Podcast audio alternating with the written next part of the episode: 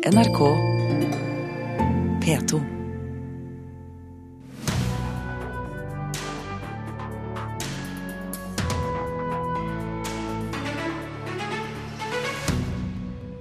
Gullpalmen gikk til britisk sosialrealisme i år. Ken Loach fikk pris i Cannes i går, mens den tyske komedien som alle kritikerne elsket, fikk bare kritikernes egen pris.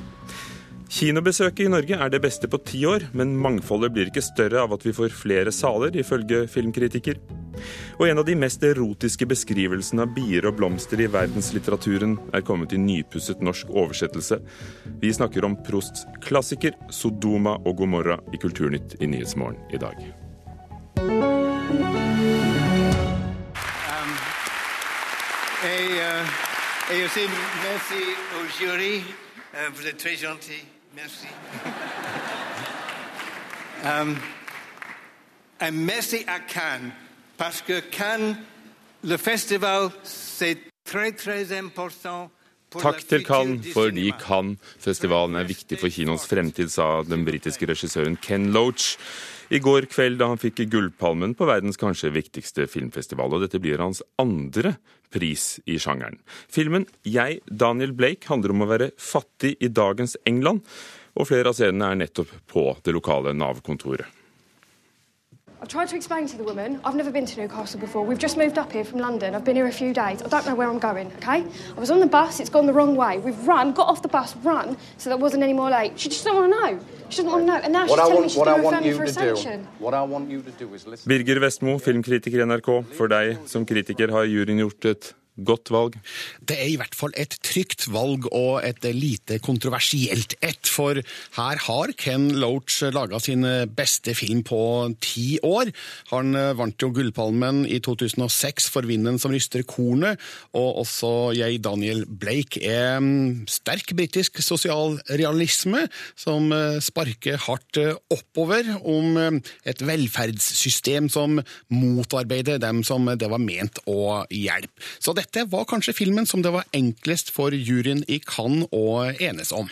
Ken Loach sa i takketalen i går at vi som er gamle må sende en beskjed, og han er 80 år gammel altså, vi må sende en beskjed om at vi trenger en annen verden, og at det er mulig. Er han en politisk filmskaper?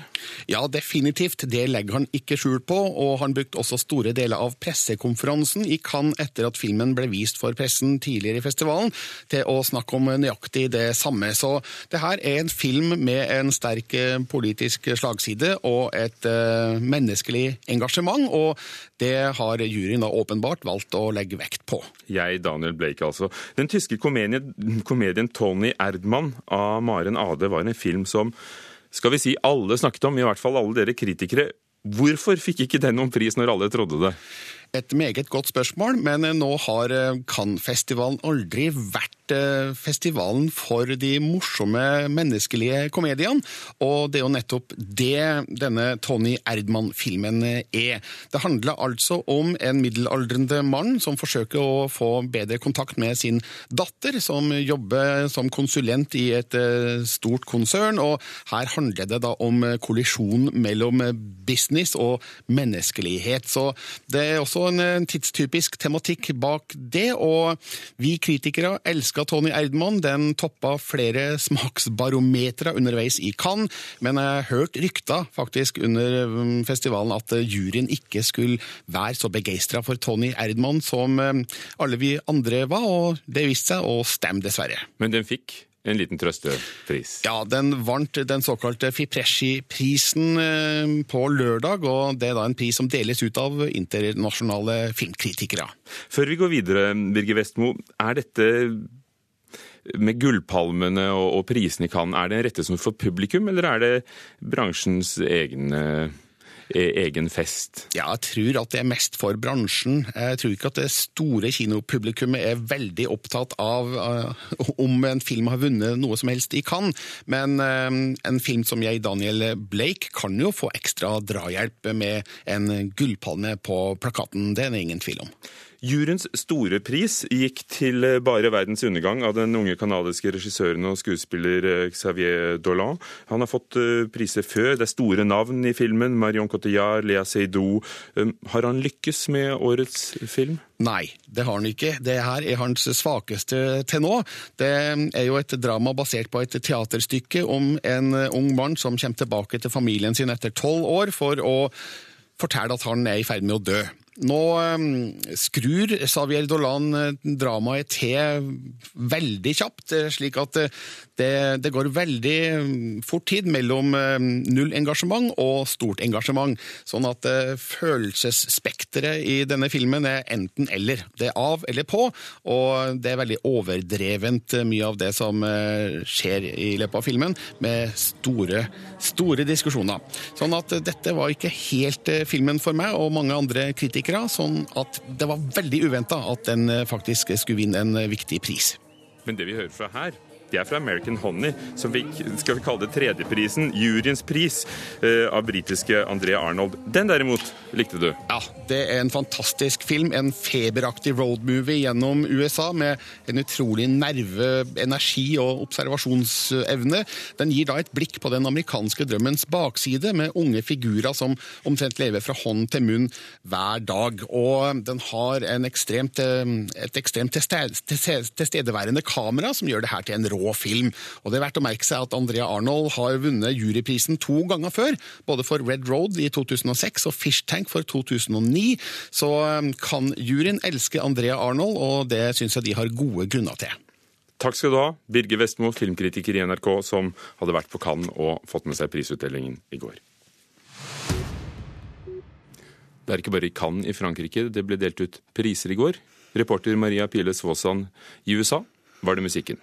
Da var det Billboards Awards ble holdt i Las Vegas i natt. Og som de fleste andre musikkprisutdelinger i år fikk Adele flere priser, i tillegg til eh, R&B-artisten The Weeknd. Men den delen av showet som fikk mest oppmerksomhet, var en hyllest til Prince, som døde for en måned siden på lørdag. Og vi skal høre et lite klipp. Her må en se for seg scenen som er helt opplyst i lilla, og Madonna i en lilla brokadedress som synger 'Nothing Compares To You', før Stevie Wonder kommer inn, og de synger 'Purple Rain' i lag.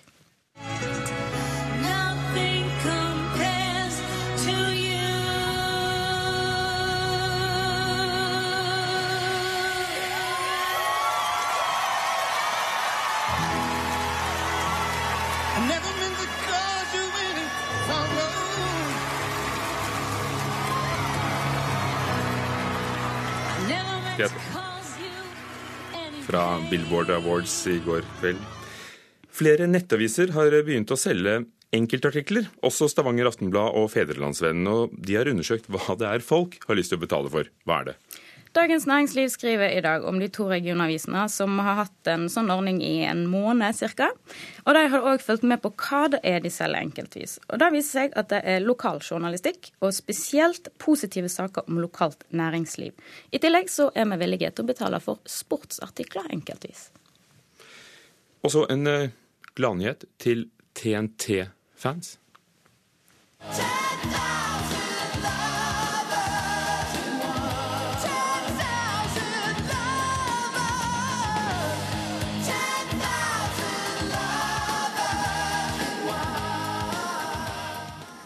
Bandmedlem Ronny Le Tekrø skriver på si offisielle Facebook-side at han og Tony Harnell, som egentlig forlot gruppa for ti år siden, har begynt å skrive ny musikk i lag. De skriver at TNT skal i studio og spille en ny musikk til sommeren, og er allerede i gang med å booke en verdensturné til neste år.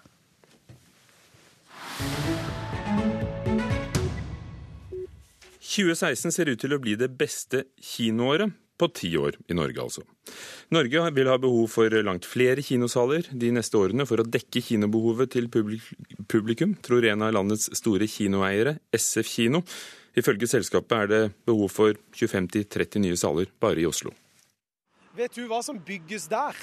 Uh, nei, Det har jeg lurt på, Kit, men det aner jeg ikke. Det vet jeg ikke. Vi står rett ved siden av en diger byggeplass på Storo nord i Oslo. Her bygges nye boliger, en park, og det som om et par år skal bli landets største kino, med elleve saler og 2000 seter. I en by som allerede har en haug av andre kinoer. Hva tenker du om at det bygges en så stor kino nå som alle kan bare se film hjemme? Nei, det har jeg grunnen ikke tenkt på, men det høres litt teit ut, takk. Jeg syns det er bra at de skal bygge kino. Trenger kino. Og det bekrefter også årets besøkstall på norske kinoer.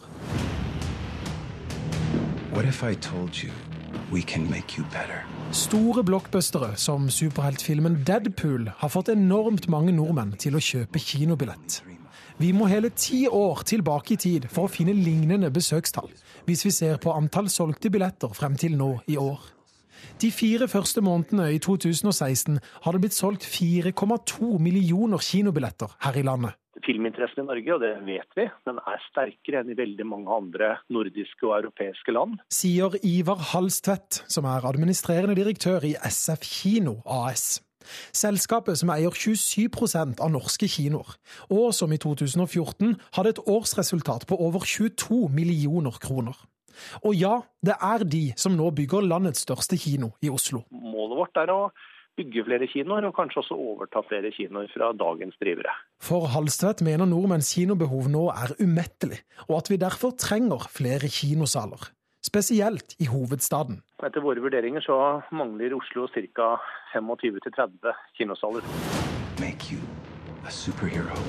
Trenden i Norge speiler også trenden i resten av verden.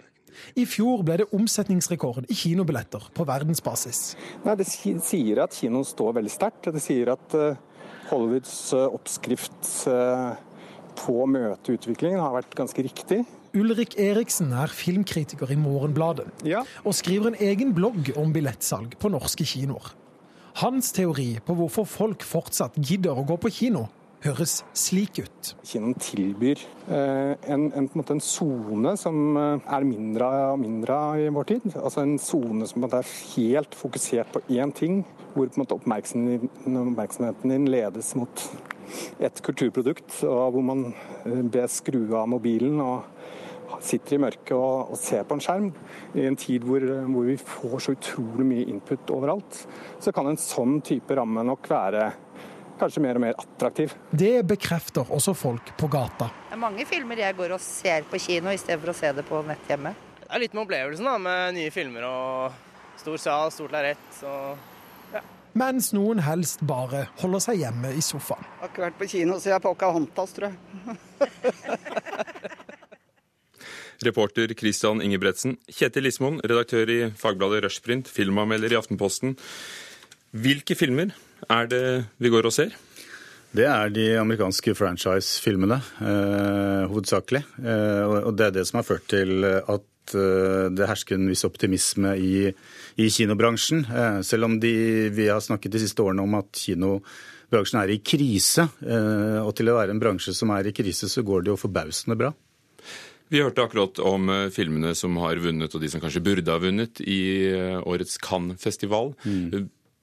Er det forgjeves å snakke om disse filmene? For det er kanskje ikke de filmene folk uansett går og ser, selv om vi får flere kinosaler? Eh, helt riktig det. Det er ikke de filmene vi ser. Og, og, jeg tror kanskje at vi kan komme til å se færre av de filmene fremover også. fordi det er klart at det er hvis, det, Kinomarkedet er blitt veldig polarisert. Det er de store franchise-filmene som, som, dominerer. Og så eh, har de mellomfilmene rett og slett eh, i ferd med å forsvinne fra markedet. Eh, og så har vi de små nisjefilmene som, som trenger et sted å være, eh, og søker seg til nisjekinoer. Der, der, det finnes. Men Betyr det at det også finnes et rom for de nisjekinoene etter at de kommunale kinomonopolene ble oppløst? For nå er det da to store aktører i Oslo som, mm. som har, driver det som var de kommunale kinoene, og så bygges det en svær en. og Sånn er det også i andre byer. Det er de store som som driver. Men betyr det at det vil finnes en marked for de mindre salene? Det finnes et marked for det. Eh, og denne planlagte nisjekinoen Vega kino i Oslo er jo et forsøk på å å eh, utforske det, selv om det, et, det, det blir en veldig liten arena. Eh, men, jeg, men, det er jo ikke noe, som forretningsmodell så er det kanskje ikke noe å satse på. Eh, altså Hvis målet er primært å tjene penger, altså at det skal gi avkastning, da er nisjekinoen altså nisjekinoen, de som starter det, er pasjonerte altså filmelskere. De, de, de gjør det fordi de kan ikke la være.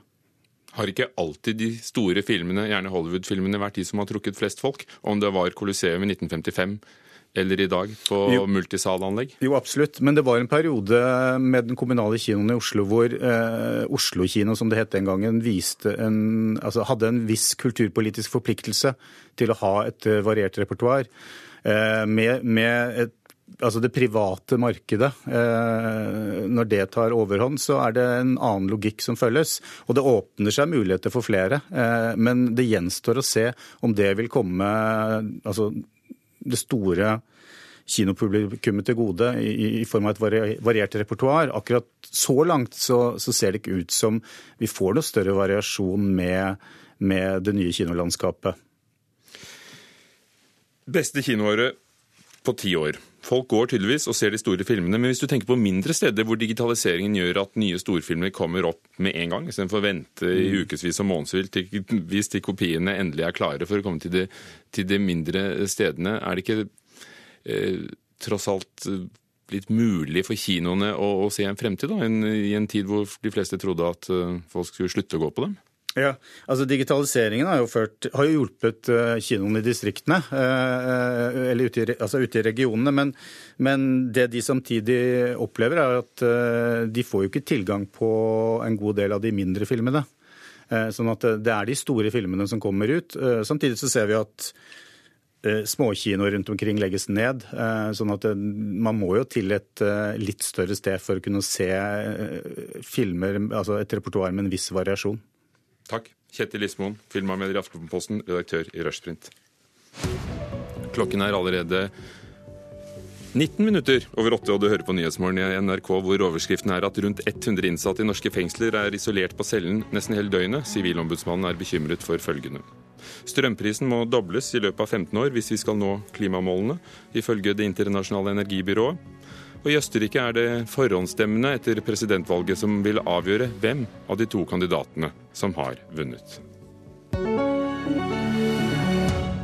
Det kan bli nødvendig med pledd og boblejakke under gudstjenester i Stavanger domkirke de neste vintrene. Temperaturen blir trolig skrudd helt ned til ti grader for å forhindre at treverket i det nyrestaurerte orgelet skal bli ødelagt av den tørre luften.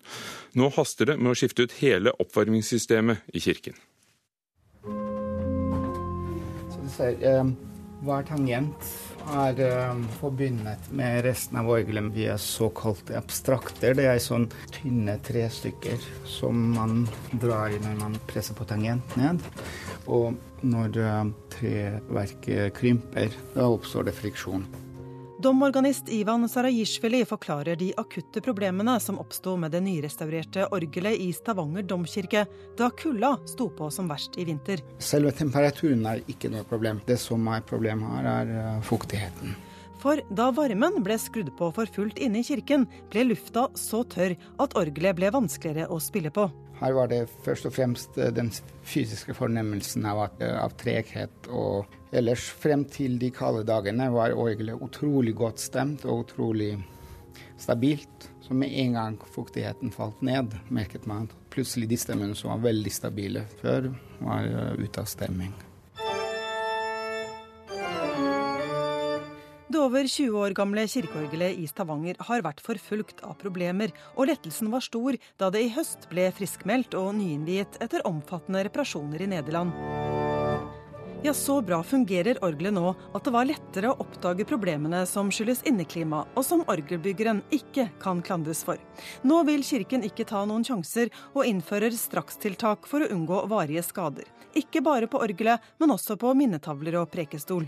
Vi håper jo at vi finner andre løsninger, men det kan være at eh, det, det blir som en overgangsløsning neste vinter, at vi må senke temperaturen. Og da kan det være at det blir ti grader i kirken inne. Sier prosjektleder for den pågående restaureringen av domkirken i Stavanger, Britta Goldberg. Mens luftfuktigheten var nede i under 20% i vinter, trenger et orgel minst 40% og helst 50-60% luftfuktighet.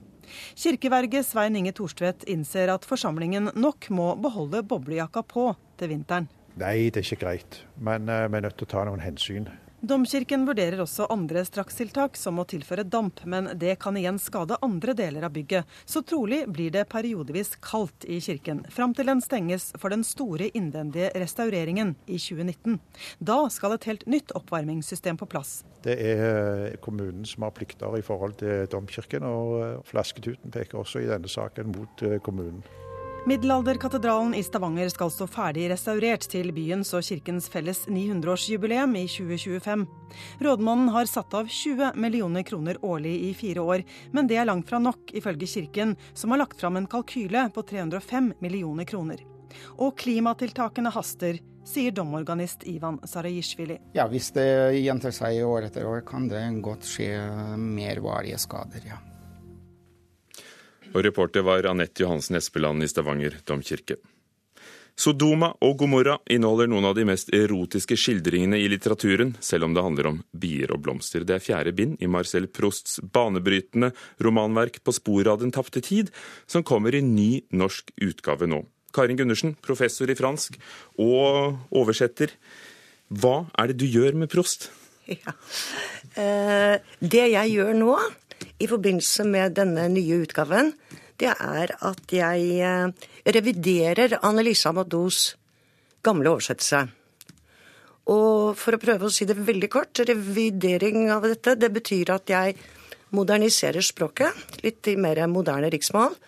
Og så justerer jeg litt på setnings, uh, setningene, syntaksen, uh, for at det skal bli litt lettere å lese. Og så retter jeg noen feil som jo fins i alle oversettelser. På sporet av den tapte tid er altså et syvbindsverk som har vært banebrytende i litteraturhistorien. Nå er det omtrent 100 år siden det kom første gangen, og, og i disse dager kommer fjerde bind i denne nypussete oversettelsen på norsk i en ganske påkostet utgave som Gyllendal har uh, tatt seg råd til. Ja, det må jeg si. Dette er uh, katedral. Hva, det er katedral, men hva er det som har gjort På sporet av den tapte tid til det den er? Til noe magisk for deg? Det er Jeg kan jo begynne med at ved å lese Prost så blir du litt klokere. Du får innsikt i en rekke felt som du ikke visste noe om, fordi denne romanen inneholder jo alt, hadde jeg sagt. De fleste områder i livet.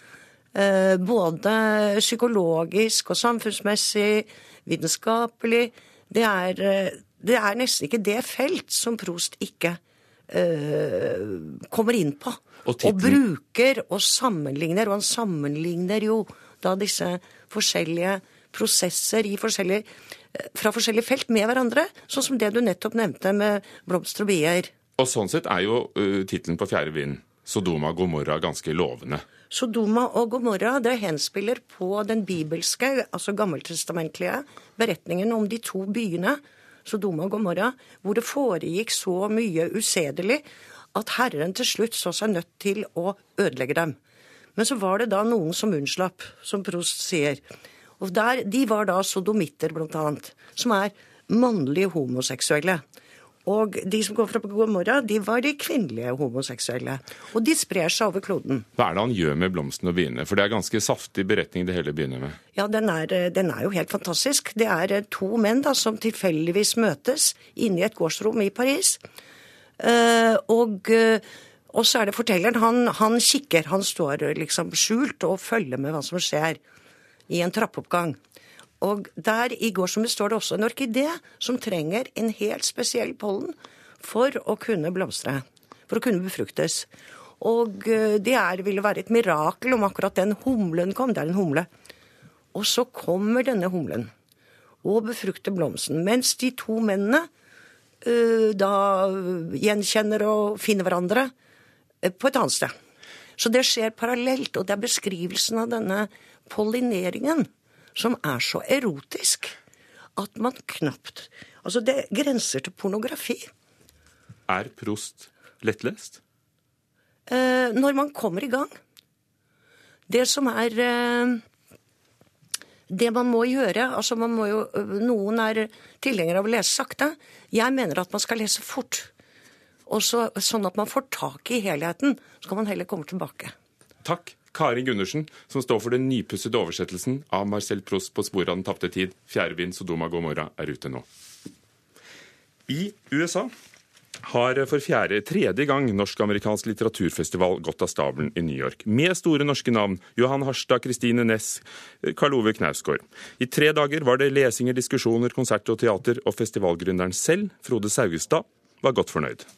Eh, ja, skal jeg være beskjeden, så vil jeg si at det har vært en eh, heidundrende suksess.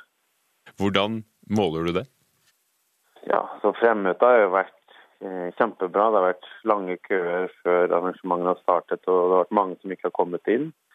Og så har det vært det publikummet vi har ønska å nå ut til. Det har vært eh, mange unge, ambisiøse eh, folk som ønsker å, å, skrive litteratur, og som har et veldig sånn sterkt og personlig forhold til å drive med litteratur. I tillegg har vi jo nådd ut til mye av bokbransjen i USA. Forlag, kritikere, Eh, agenter.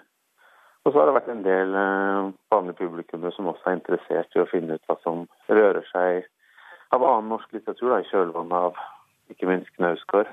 Karl Ove Knausgård eh, var med i år. Hvor langt er det mulig å nå for en norsk forfatter i New York og i USA?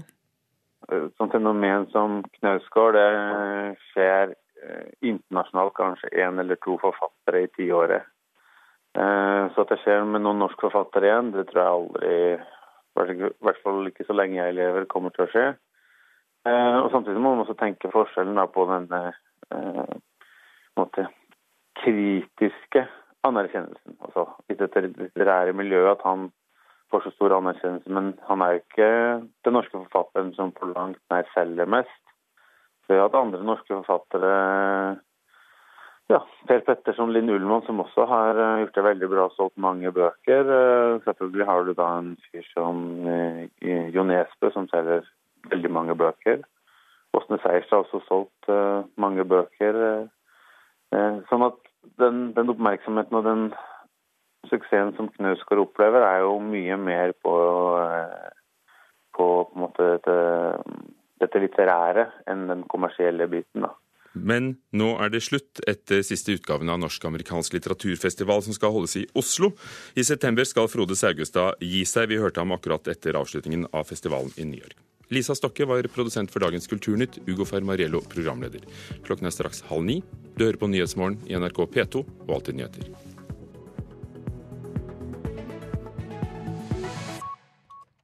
Hør flere podkaster på nrk.no podkast.